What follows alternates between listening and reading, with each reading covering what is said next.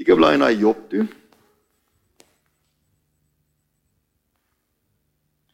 Job is in die Ou Testament bladsy 696.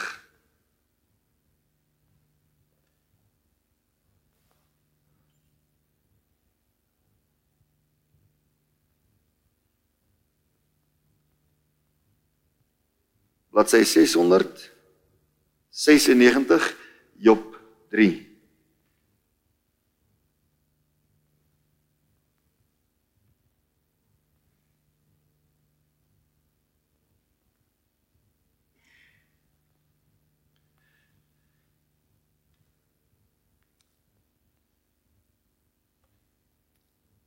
Daarna het Job sy mond oopgemaak en sy dag vervloek. En Job het begin en gesê: "Mag die dag vergaan waarop ek gebore is en die nag wat gesê het: 'n seun is ontvang." Vers 11: Waarom het ek nie gesterf by die geboorte, nie uitgegaan uit die moeder skoot en die asem uitgeblaas nie? En dan Job 10 vers 1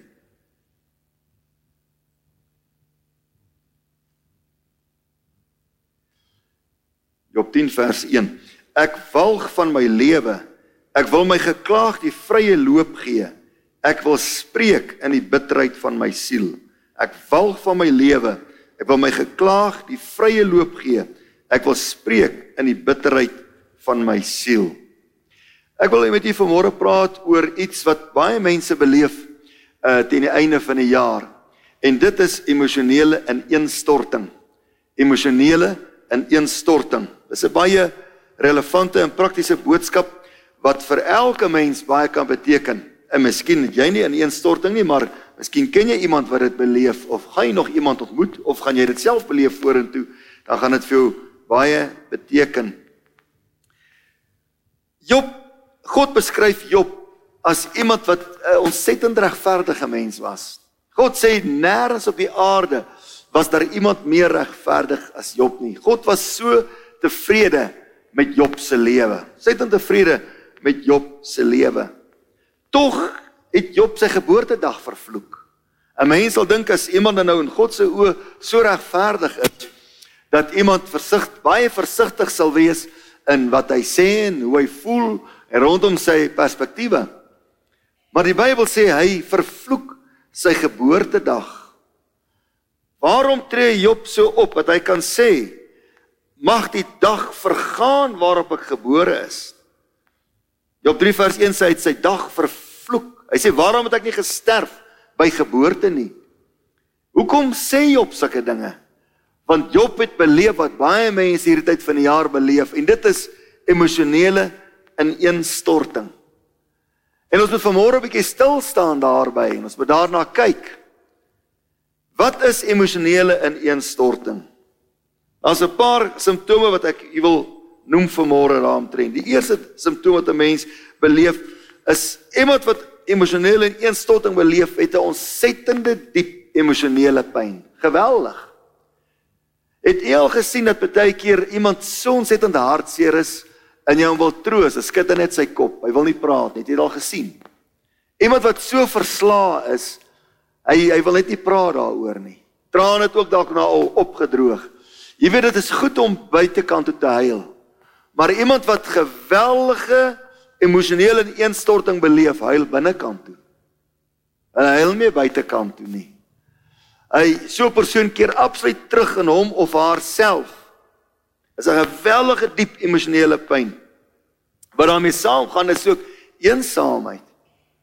Want daardie persoon wat so emosionele ineenstorting beleef, voel dat niemand sal verstaan waar hy gaan nie. Niemand ken die plek waar hy is nie en so persoon sal ek voel dit help nie ek praat nie.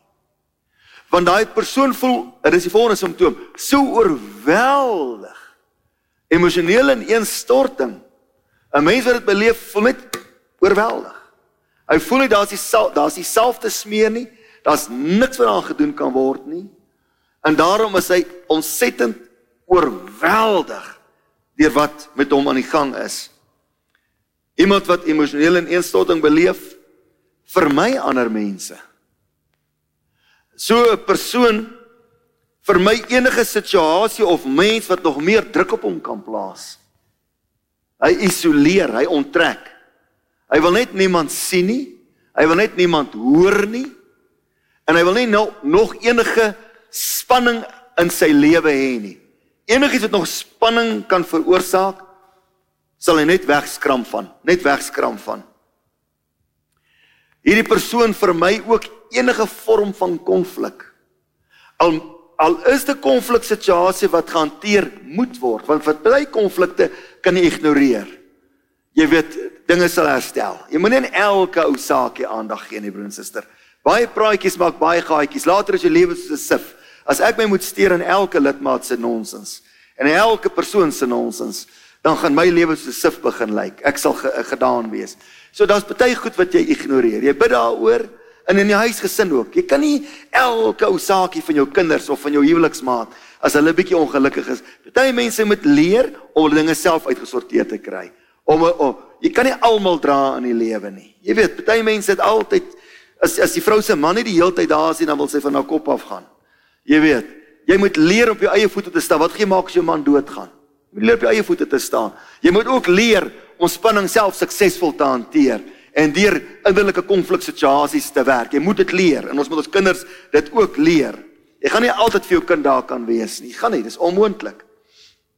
Maar wanneer 'n mens emosionele ineenstorting beleef, broer en suster, sien jy nie kans vir enige verdere konflik met enige hoe klein of hoe groot mag wees nie. Ehm um, dit maak dit mense 'n mens nie verstaan nie.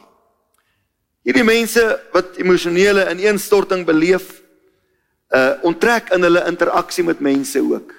So 'n persoon sal in die huis stiller raak. As dit 'n vrou is wat emosionele ineenstorting beleef, sal sy net stiller raak. En 'n huweliksmaat verstaan dit nie as die ander maat stiller raak. Jy wil weet wat gaan aan.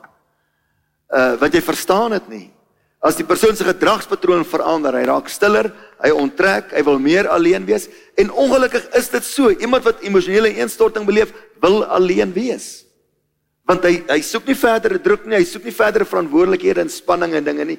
Hy onttrek van alles en almal en uh, dit is dan wanneer 'n mens as jy in 'n huwelik is, se spesieus raak. Jy begin wonder of het hierdie man of vrou van jou 'n verhouding met iemand anders?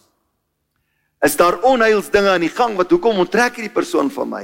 Jy sien hom omtrent nooit nie, jy hoor nooit meer die klank van sy stem nie. Die kommunikasie raak al minder. Wat is aan die gang? En dit kan 'n ander die ander huweliksmaat paniekerig maak. En wanneer die ander huweliksmaat paniekerig raak, dan gaan daai persoon meer druk op daai persoon sit, want hy wil nou weet wat aan die gang is. Jy moet met my praat. Ek wil weet, hoekom praat jy met my nie? Hoekom ignoreer my? En dit maak daai persoon net verder verdiep in sy isolasie. Dit is baie sleg om druk op so 'n persoon te sit. Wat is 'n ander simptoom van iemand wat emosionele instorting beleef? Is hulle verloor hulle motiveringskrag. Hulle is net nie meer gemotiveerd vir enige iets nie. En die die slegste ding wat gebeur is iemand wat emosionele instorting beleef word se klip. Hy word ondeurdringbaar. Jy kan is is jou huweliksmaat deur so iets gaan, kan jy 'n belediging gooi na daai persoon toe net om 'n reaksie te kry immers. Daai persoon sal net geen reaksie toon nie, nie positief of negatief nie. Hy raak ondeurdringbaar. Hy raak soos 'n soos 'n muur. Jy jy, jy kan jy jy, jy gesê praat met 'n muur. Jy sal sit met 'n muur en jy sal dit nie verstaan nie. Dis 'n baie gevaarlike plek om te wees. Emosionele ineenstorting is 'n baie gevaarlike plek. Ons sien dit met Job. Hierdie man wat so regverdig was dat hy sy eie geboortedag vervloek het. Miskien sit u van u vanmôre wat al dit gedoen het. En nou sê bang jy het jou geboortedag vervloek, nou gaan alles skeefloop. Wie jy kan gaan lees in Jesaja, Jesaja 20 vers 14 tot 18. Jesaja word genoem the weeping prophet. Die treurende profeet. Die Here het gesê hy mag nie trou nie, hy mag nie kinders hê nie. Hy was baie eensaam, was baie vervolg ook geweest. Tot hy, gelees in Jesaja 20, tot hy sy geboortedag vervloek. Tot hy het gesê hy spyt dat hy ooit gebore was. Jy weet. Dis 'n gevaarlike plek om te wees as jy daar is waar jy sê ek vervloek my geboortedag. Ek haat my lewe. My lewe walg my. Ehm uh, dit is daardie plek waar egskeidings plaasvind. Dis daardie plek waar mense selfmoord pleeg. Dis daardie plek waar mense sommer net uitstap by 'n werk en sê ek is klaar. Ek gee nie om wat met my gebeur nie. Ek gee nie om waar ek geld vandaan sal kry, wie vir my gaan sorg nie. Ek is klaar. Finish en klaar is Kubai Marai. En ek het hierdie ek het dit gesien. Hierdie drie goed ek gesien in die bediening. Hoe mense skei want hulle het gekom by 'n plek van emosionele ineenstorting. Wanneer mense selfmoord pleeg, wat hulle gekom by 'n plek van emosionele ineenstorting. En wanneer mense sommer net uitstap by 'n werk en nie omgee wat nou verder sal gebeur nie, weens emosionele ineenstorting. 'n Mens moet weet om iemand te hanteer wat deur dit gaan. Jy moet weet om so 'n persoon te hanteer. Jy moet hierdie simptome identifiseer. En dan moet 'n mens begrip aan die dag probeer lê vir iemand wat daardeur gaan. En selfs net as jy getroud is en dit gebeur met 'n huweliksmaat, net bietjie terug staan. Jy weet, as dit 'n kind is, 'n kind kan ook deur dit gaan. Jong mens kan ook deur dit gaan. Gee ondersteuning tot die mate wat dit van jou verlang word. Nie tot die mate wat jy dink nodig is nie. Daar is grense in die lewe. Alles in die lewe het grense. Wanneer iemand ook deur emosionele ineenstorting gaan, moet jy nie jou grense met daai persoon oortree nie. Jy moet jou laat lei deur die Heilige Gees. Jy moet baie sensitief en jy moet baie versigtig wees want jy kan die oorsaak wees om daai persoon net oor die randjie te stoot. Daarom moet 'n mens baie versigtig en konsekwent wees in 'n mense reaksie teenoor so 'n persoon, in jou in jou optrede teenoor so 'n persoon. En fyn begrip aan die dag probeer lê. Maar as jy deur emosionele instorting gaan, wat moet jy doen daaraan? Want dit is baie moeilik om deur so 'n ding te gaan. In die eerste plek sou ek sê, 'n mens moet kyk wat is die oorsake dat 'n mens emosionele ineenstorting beleef. Wat wat het jou tot by daai plek in jou lewe gebring? En ek het nou vir u gesê baie van ons beleef emosionele ineenstorting aan die einde van die jaar. Wat kan 'n oorsaak daar wees? Miskien is dit oorwerkheid, miskien is dit uitgebrandheid. Iemand wat oorwerk en uitgebrand is, hulle kan nie wag dat die jaar verby is nie en as Desember verby is, want hulle sien nou uit na Kersfees en al die lekker feestydde en dinge, en as dit verby is, dan begin 'n nuwe jaar en gaan vinnig verby. Gaan so vinnig verby. 'n Mens moet werklik waar 'n pen en papier vat. En 'n mens moet gaan skryf. En veral baie keer 'n mens se huweliksmaat verstaan nie hierdie goed wanneer 'n mens uh deur so 'n fase in jou lewe beweeg nie. Laat jy bietjie wys vir daai persoon, dat jy vir jouself kan wys. Wat se tipe van werksdruk jy beleef? Die ure wat ingaan. En dan moet 'n mens kyk wat 'n mens daaraan kan doen, maar mens moet kyk ek, ons bespreek eens nou die oorsake.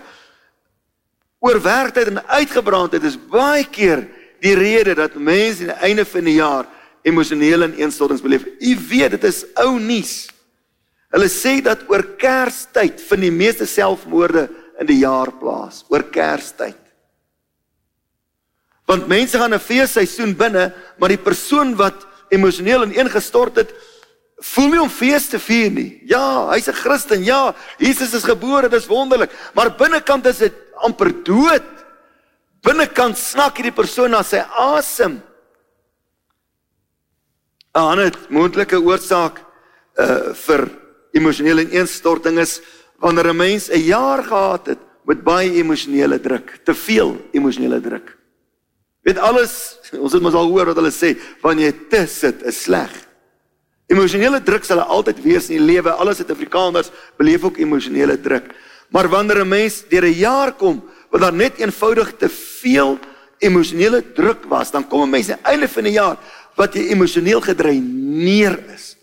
En wanneer 'n mens emosioneel gedreineer is, kan jy dit op iemand se gesig sien, die gesig word word strak. Die lig verdwyn uit die oë, die vonke verdwyn. Hy raak nie meer bly oor dinge nie, raak ook nie meer hartseer nie. En dit is ook 'n slegte plek om te wees wanneer daar emosionele apatie kom. Want 'n mens jouself emosioneel onttrek en emosioneel net afsydig is. Jy raak soos iemand wat op swaar antidepressante is wat nie meer blydskap of vrede of onvrede of rus of onrus beleef nie. Jy raak net soos 'n robot, jy gaan maar net aan van dag tot dag. Dan het jy plek bereik van emosionele apatie. En dit is baie sleg. Want 'n persoon kom by 'n plek wat jy staak, wat jy weier om jouself langer bloot te stel vir enige emosie, of dit nou goed is of sleg is, jy wil net geen emosie beleef nie. So wanneer 'n mens kom deur 'n jaar van of jare van te veel emosionele druk, dan kom jy ook by 'n plek van emosionele ineenstorting. 'n Ander moontlike oorsaak vir emosionele ineenstorting uh, kan wees 'n uh, eh, erge trauma. Jy weet in ons land is daar is daar dikwels erge trauma in lewens. En ek wil vir u sê net die dood van 'n geliefde is al klaar baie baie traumaties. 'n Mens sal nie weet wat dit is tot jy nie eendag self by daai geleentheid gaan kom nie wanneer jou ouer of jou lewensmaat of 'n kind iemand naby jou sterf. Dis dis baie traumaties. Ek sê vir u broer en suster, ek sien mos al die jare al die familie en vriende op begrafnisse maar as, as daai melktert opgeëet is na die begrafnisdiens en die mense stap daar uit, dan gaan daai persoon so deur die lewe. Daar sal volgende week dalk nog iemand bel. Te hoor hoe gaan jy? Maar ek vind jy sal sien as jy self daar kom, want ons almal kom daar. Ons almal kom daar. Jy sal sien. Dan gaan jy maar so alleen in daai Getsemane, soos Jesus alleen was in Getsemane, alhoewel daar mense om hom was, was hy maar alleen. Dis 'n Getsemane wat 'n baie alleen pad is. Dis traumaties. Dis traumaties om iemand in die dood af te staan. Wanneer daar dood is naby aan jou kan 'n mens baie maklik emosionele ineenstorting beleef. Ander traumas wat in ons land gebeur is mense verloor hulle werk. Mense verloor hulle werk. Wanneer jy jou werk verloor en nie meer doen wat jy gewoond is om te doen nie. As die strykyster breek en jy sommer strykyster gaan koop. Daar's genoeg kos op die tafel. Jy kan vakansie gaan. Mense verloor hulle werk. Mense wat vir 40, 50, 60000 rand 'n maand maand gewerk het, moet nou skielik afsak en vir 15000 rand 'n maand werk. En vir 20000, selfs vir minder. Dis traumaties dat jou lewensstandaarde dat heeltemal moet aanpas. Dis traumaties wanneer mense huise en motors verloor. Dis traumaties wanneer 'n man nie meer vir sy kinders kan voorsien soos hy altyd voorsien het nie. Dis traumaties wanneer hy saam met sy kind gedroom het oor die universiteit wat nog voor lê en hy kom by 'n plek en hy sê my kind, jy sê moet kyk vir 'n beurs of 'n lening of 'n ding, kan jy nie help nie. Dis traumaties. Dis baie traumaties, broer en suster, wanneer daar finansiële insinkings kom in 'n mens se lewe en dit maak ook dat mense knak en dat hulle emosioneel ineenstort. Baie keer dan tref die skokke mense eers later. Dan lei mense aan posttraumatiese stres. Die ding het verlede jaar gebeur en 'n jaar of 'n paar maande daarna dan eers begin hierdie ding mense se knieë afbreek, lam slaan, hulle marmeries breek. Dan begin hulle enkels swak, dan begin hulle vou. En dan lei hulle aan posttraumatiese stres of emosionele ineenstorting. Ek meen 'n mens hoor van mense wat slegte nuus kry dat hulle kanker het. Ek sê altyd jy sal nooit wa weet wat deur ander mense gaan as jy nog dieselfde pad geloop het nie. Dink jy nou vanmôre in? Mag dit nie so wees in die naam van die Here Jesus Christus, maar as 'n dokter vir jou sê jy het kanker, jy het miskien 6 maande, miskien 'n jaar oor om te leef. Dink net wat se emosionele ineenstorting moet dit gee vir iemand.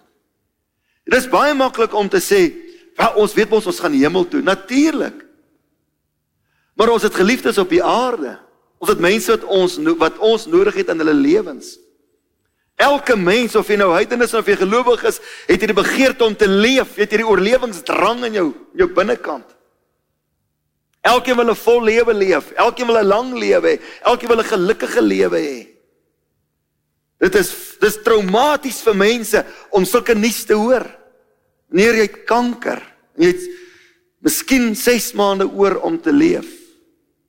En dit gebeur om ons, voortdurend gebeur dit.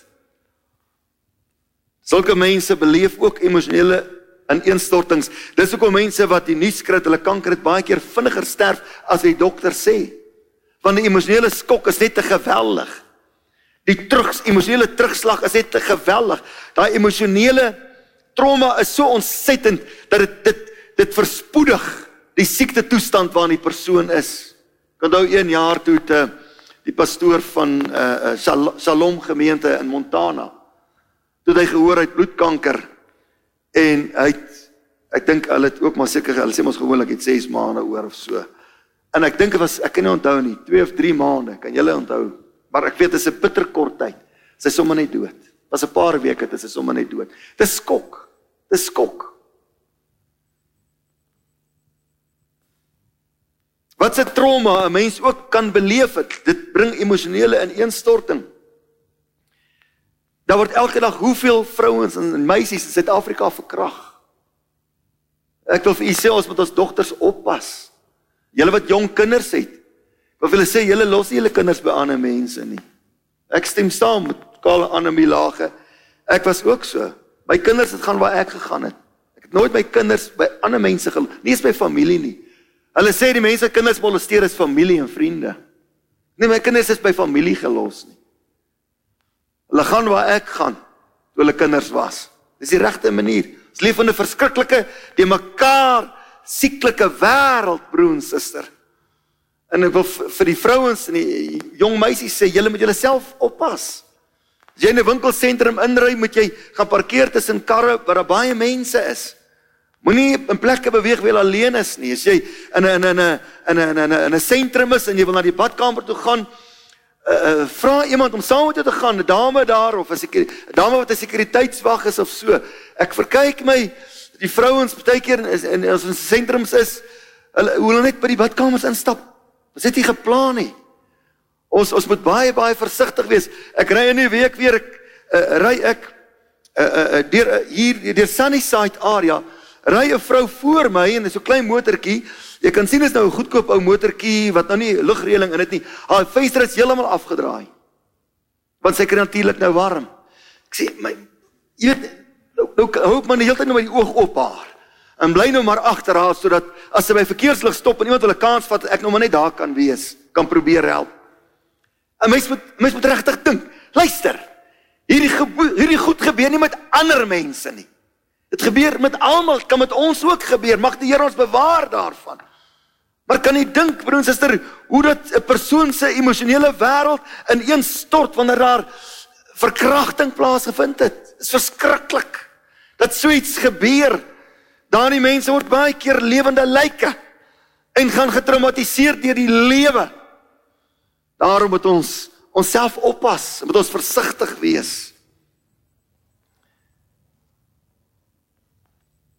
Mens moet sorg dat dat jou huis ons bid wel. Daar's 'n ou oom in Durban, ou Hendrik Botha, hy het altyd gesê broers en susters, die Bybel sê ons moet waak en bid. Nie net bid nie, waak en bid. Jou deure gesluit is, jou vensters toe is. Ons leef in Suid-Afrika, ons nie Australië nie. Jouself oppas. Erge trauma kan emosionele ineenstorting veroorsaak. Die vierde ding teleurstellings in sake wat vir jou baie belangrik is teleurstellings. Teleurstellings kan maak dat jy 'n emosionele ineenstorting beleef. Veral as dit mense is wat jou teleurstel, as mense wat jy vertrou het. As mense wat jy geglo het hierdie is pilare, hierdie is standvaste mense. Hierdie is mense van karakter. Dan word die teendeel bewys. Mense wat jy vertrou het. En dan word die teendeel bewys. Dit is baie diep teleurstelling. Jy kan al so min mense in die lewe juis vertrou en dan die wat jy wel vertrou, dat die dag as jy as daardie persoon jou teleurstel, beleef jy ontsettende emosionele ineenstorting. En dan raak 'n mens goed kwyt, so stop goed kwyt geraak het oor sy lewe. Dan sê 'n mens, ek sal nooit weer iemand vertrou in die lewe nie. Ek sal nooit weer 'n pad stap met mense nie. Jong mense moet jy ver van jou afhou. Jong mense is vreeslike wesens. En dan as 'n mens net daai in ineenstorting uitkom nie, bou jy bou jy mure tussen jou en mense en jou mense uit. Situasies wanneer jy was van teleurstelling. Goed wat 'n mens geglo het gaan uitwerk. Jy het so deeglik beplan, jy het so goed georganiseer. Jy het sulke hoë verwagtinge gehad. Ag, hemeltjie, en dan werk dit nie uit soos wat jy gedink het dit sal wees nie. Dis teleurstelling. Diepe, diepe, diepe teleurstelling kan ook emosionele ineenstorting bring in 'n mens se lewe. Maar nou, ek het nou 4 moontlike faktore genoem, u kan nog byvoeg. Nou, wat kan 'n mens doen? Wat moet 'n mens doen as 'n mens emosionele ineenstorting beleef? Kom ons gaan terug na die eerste een toe, na die eerste oorsaak. As jy oorwerk en uitgebrand is, kyk of jy iets kan doen daaraan.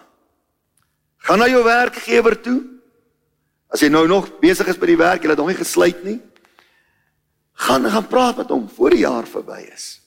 En gaan praat jou hart uit. Ons mans is baie keer bang as jou hart gaan uitpraat met jou werkgewer dat jou werkgewer gaan dink, "Ha, jy maak dit nie."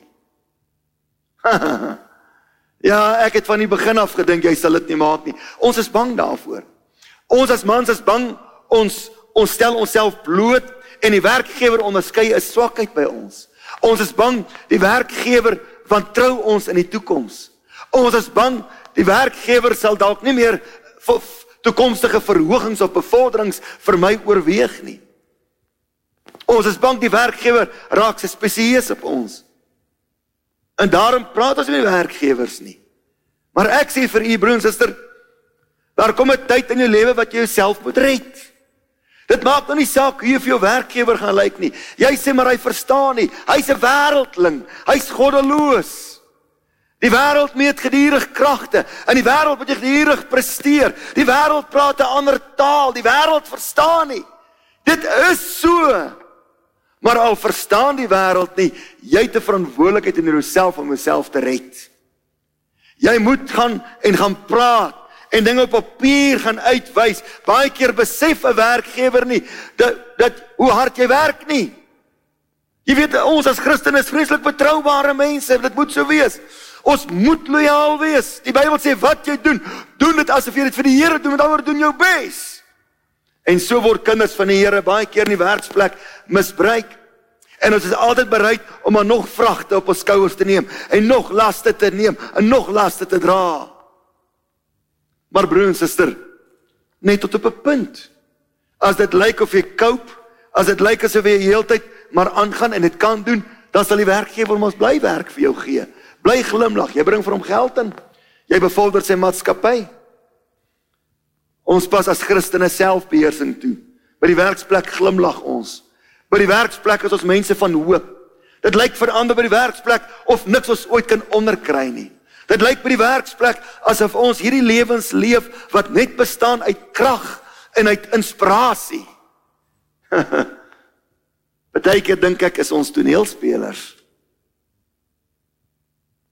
Ek dink dit 'n mens 'n mens moet besef jy is stof, jy's 'n mens. Jy het jou perke. Jy kan net soveel werk doen en nie meer nie. En daarom moet 'n mens 'n verantwoordelikheid vir jouself neem. En moet 'n mens dit by jou werkgewer gaan bespreek. Jy moet gaan vra vir hulp. En as jy nie hulp kry nie, moet jy vir jou gaan soek en bid vir ander werk. En dan moet jy die Here vra om vir jou 'n nuwe deur oop te maak.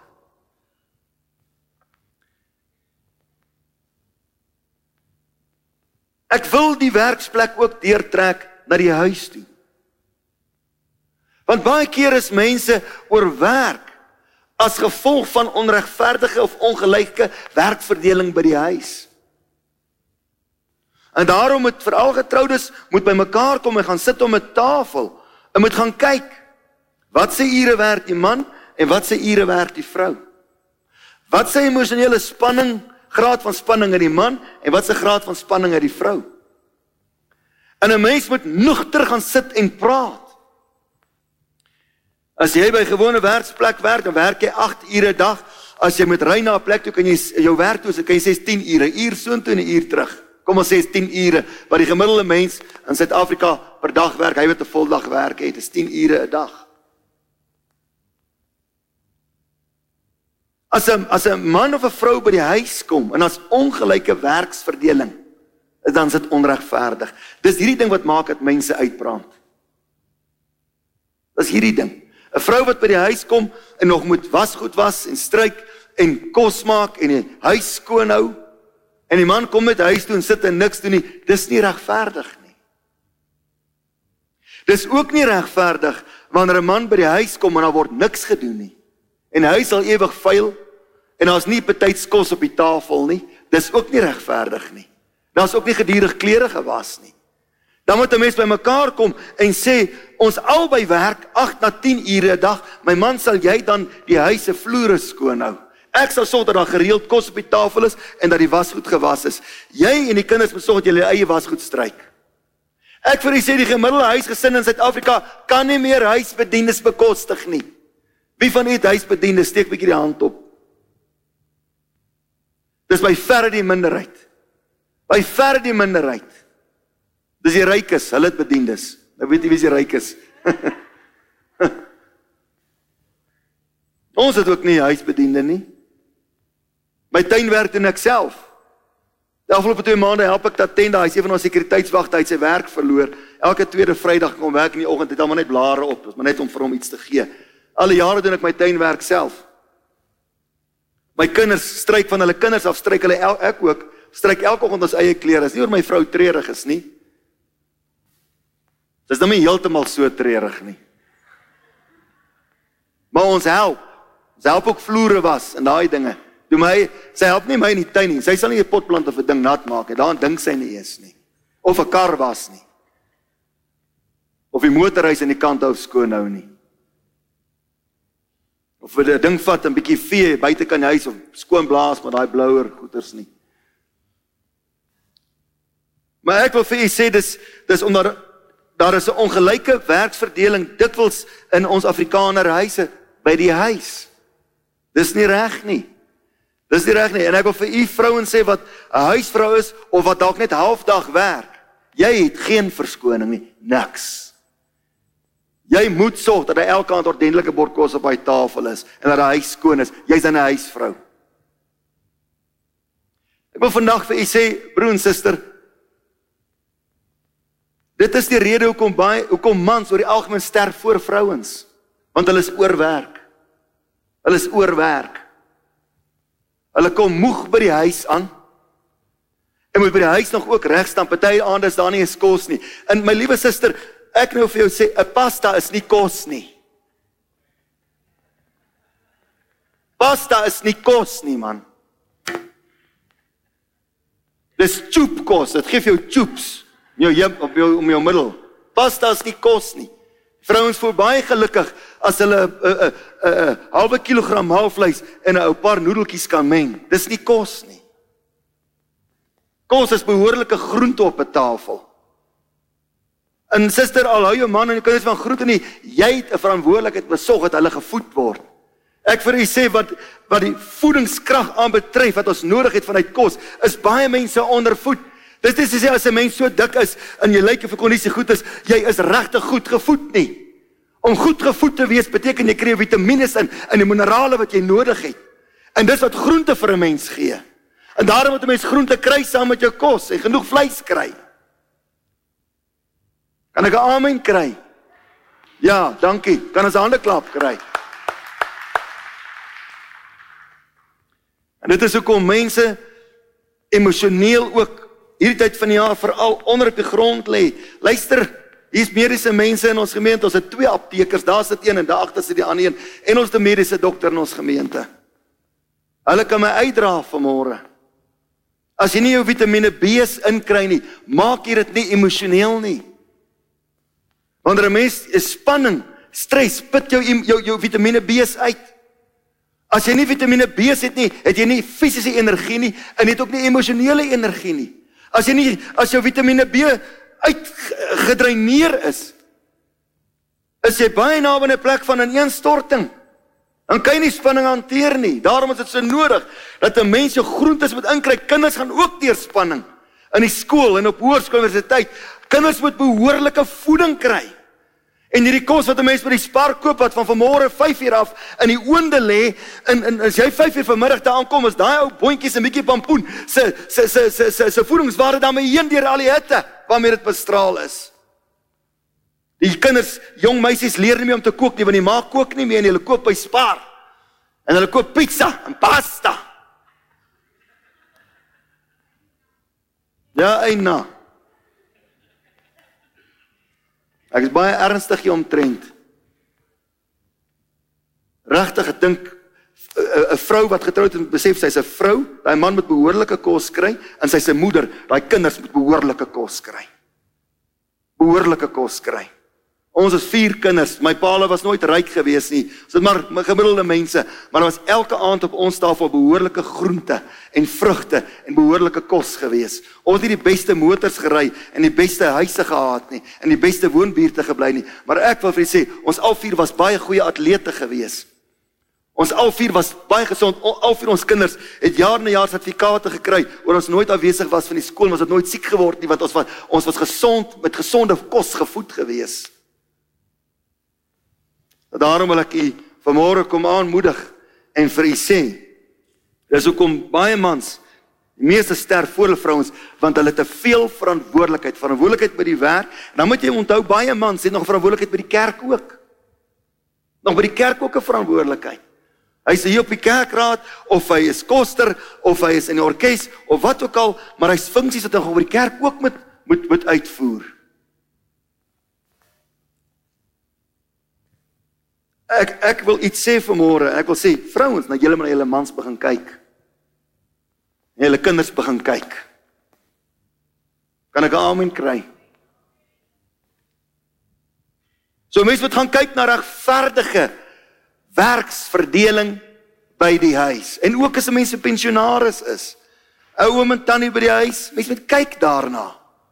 Dat die ou tannie nie nog alles ook doen daar nie, dat die oom ook sy help. Die tweede oorsaak vir emosionele ineenstorting. Dit was wanneer ons emosies gedreineerd is, is om om te sien na emosionele welsyn. Om om om te kyk, jy weet veral ons as mans, ons moet almal gelukkig hou. Jy moet die kinders gelukkig hou, jy moet die vrou gelukkig hou, jy moet die kerk gelukkig hou, jy moet die werk, jy moet almal gelukkig hou behalwe jouself. My broer, ons lê ons lewens af as mans vir almal behalwe vir onsself. Jy het 'n verantwoordelikheid op teenoor jou eie emosionele welsyn. Jy moet ook kyk wat jy kan doen om jou emosionele welsyn te bevorder. Wat gee jou emosies energie? Wat stimuleer jou emosies? Wat maak dat jy gelukkig voel? En dat mense sal plan maak om dit te doen. Plan maak om dit te doen.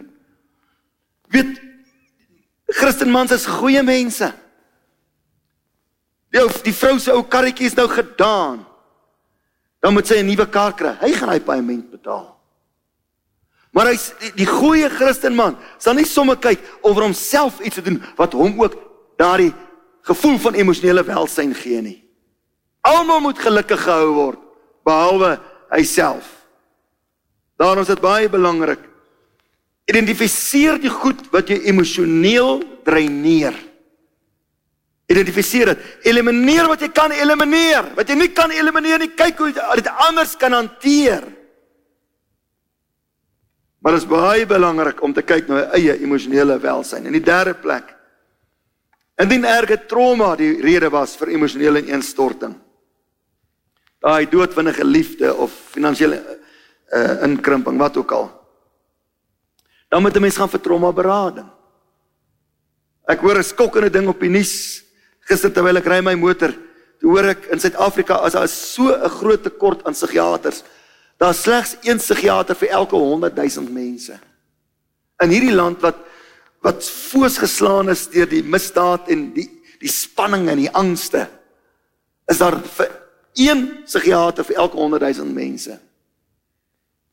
En dit is nodig wanneer 'n mens getraumatiseerd is deur iets om trauma berading te gaan kry. Mense dink is nie belangrik, dit is belangrik.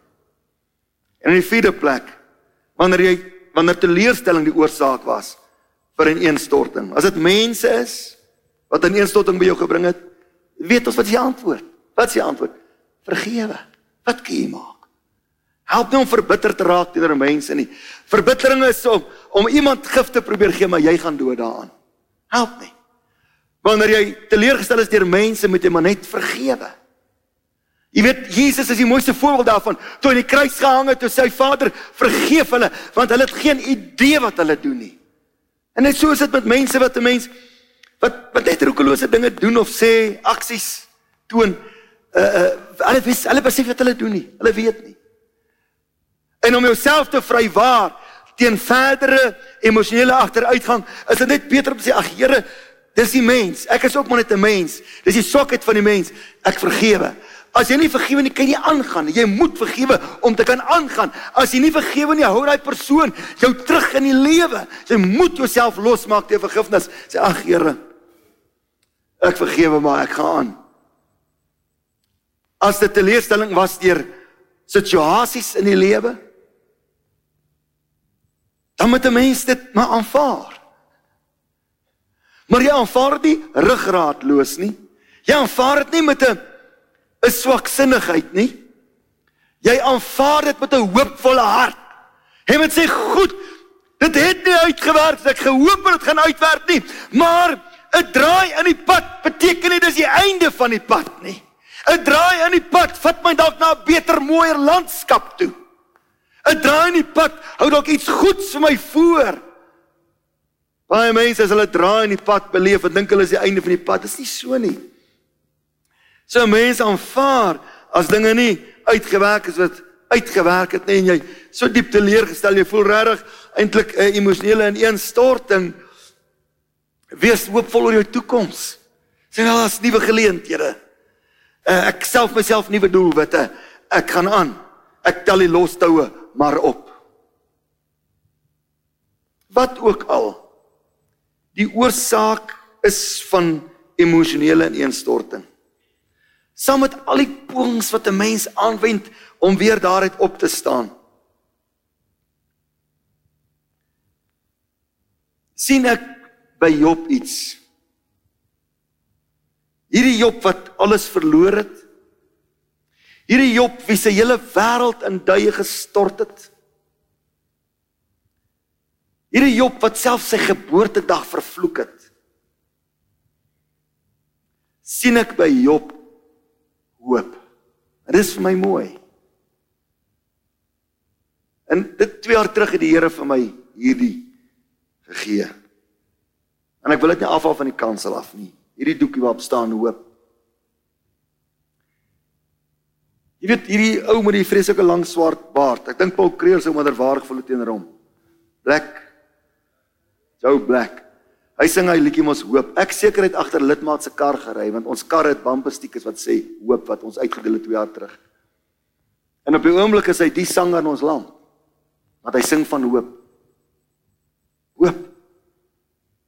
Job 13 vers 15 sê kyk al wil hy my ombring Ek hoop op hom. Ek sal tog my wandel voor hom bepleit. Hy sit in hierdie toestand van emosionele ineenstorting. Maar hy sê ek hou vas aan een ding. Ek hoop op God. Ek hou vas aan een ding. Ek het nie meer 'n kind om aan vas te hou nie, waar ook my kan verbly nie. Ek het nie meer 'n klomp vee wat ek kan tel nie. Ek het nie 'n klomp goeders wat my meer kan gelukkig maak nie. Maar ek sal my saak aan hom stel. Ek sal my wandel voor hom lê en ek sal tog bly hoop op hom. Ek sal tog bly hoop op hom. En ons sien by Job dat emosionele ineenstorting kan herstel. In Job 2 vervloek hy sy geboortedag. In Job 10 sê hy sy lewe walg hom. Maar dan kom Job 40, die 40ste hoofstuk en dit sê God het Job uit die storm geantwoord. God het Job in die storm geantwoord. Emosionele ineenstorting is 'n innerlike storm wat baie min mense verstaan. Jouself nie eens wanneer jy daar is nie. Maar selfs daar sal die God van wysheid Die God van rigting, die God van lewe, die God van hoop. Selfs daar sal hy vir jou antwoord. En Job 42 vers 10 sê hoe die Here verander het. Dit dit uh, die storm geantwoord het. Hy sê en die Here het die lot van Job verander. As jy in Hebreëus gaan kyk dan sê hy sal, sal jy sien hy het sy lot gerestoreer. Hy het hom herstel. En dan sê Job 42 vers 17 en Job het gesterwe oud en afgeleef Die New King James Version wat die meer korrekte vertaling stel dit so hy sê so Job died and full of days. En as jy Hebreëus kyk dan beteken dit en Job het gesterf tevrede en gelukkig. Tevrede en gelukkig. Hy het 'n vol lewe aan die einde van die dag gehad. God is die God van herstel jy vanmôre hier sit of iemand ken wat gaan deur emosionele ineenstorting, ek wil vir sê God is die God van herstel. Moenie hoop verloor in die Here nie. Kom ons bid saam.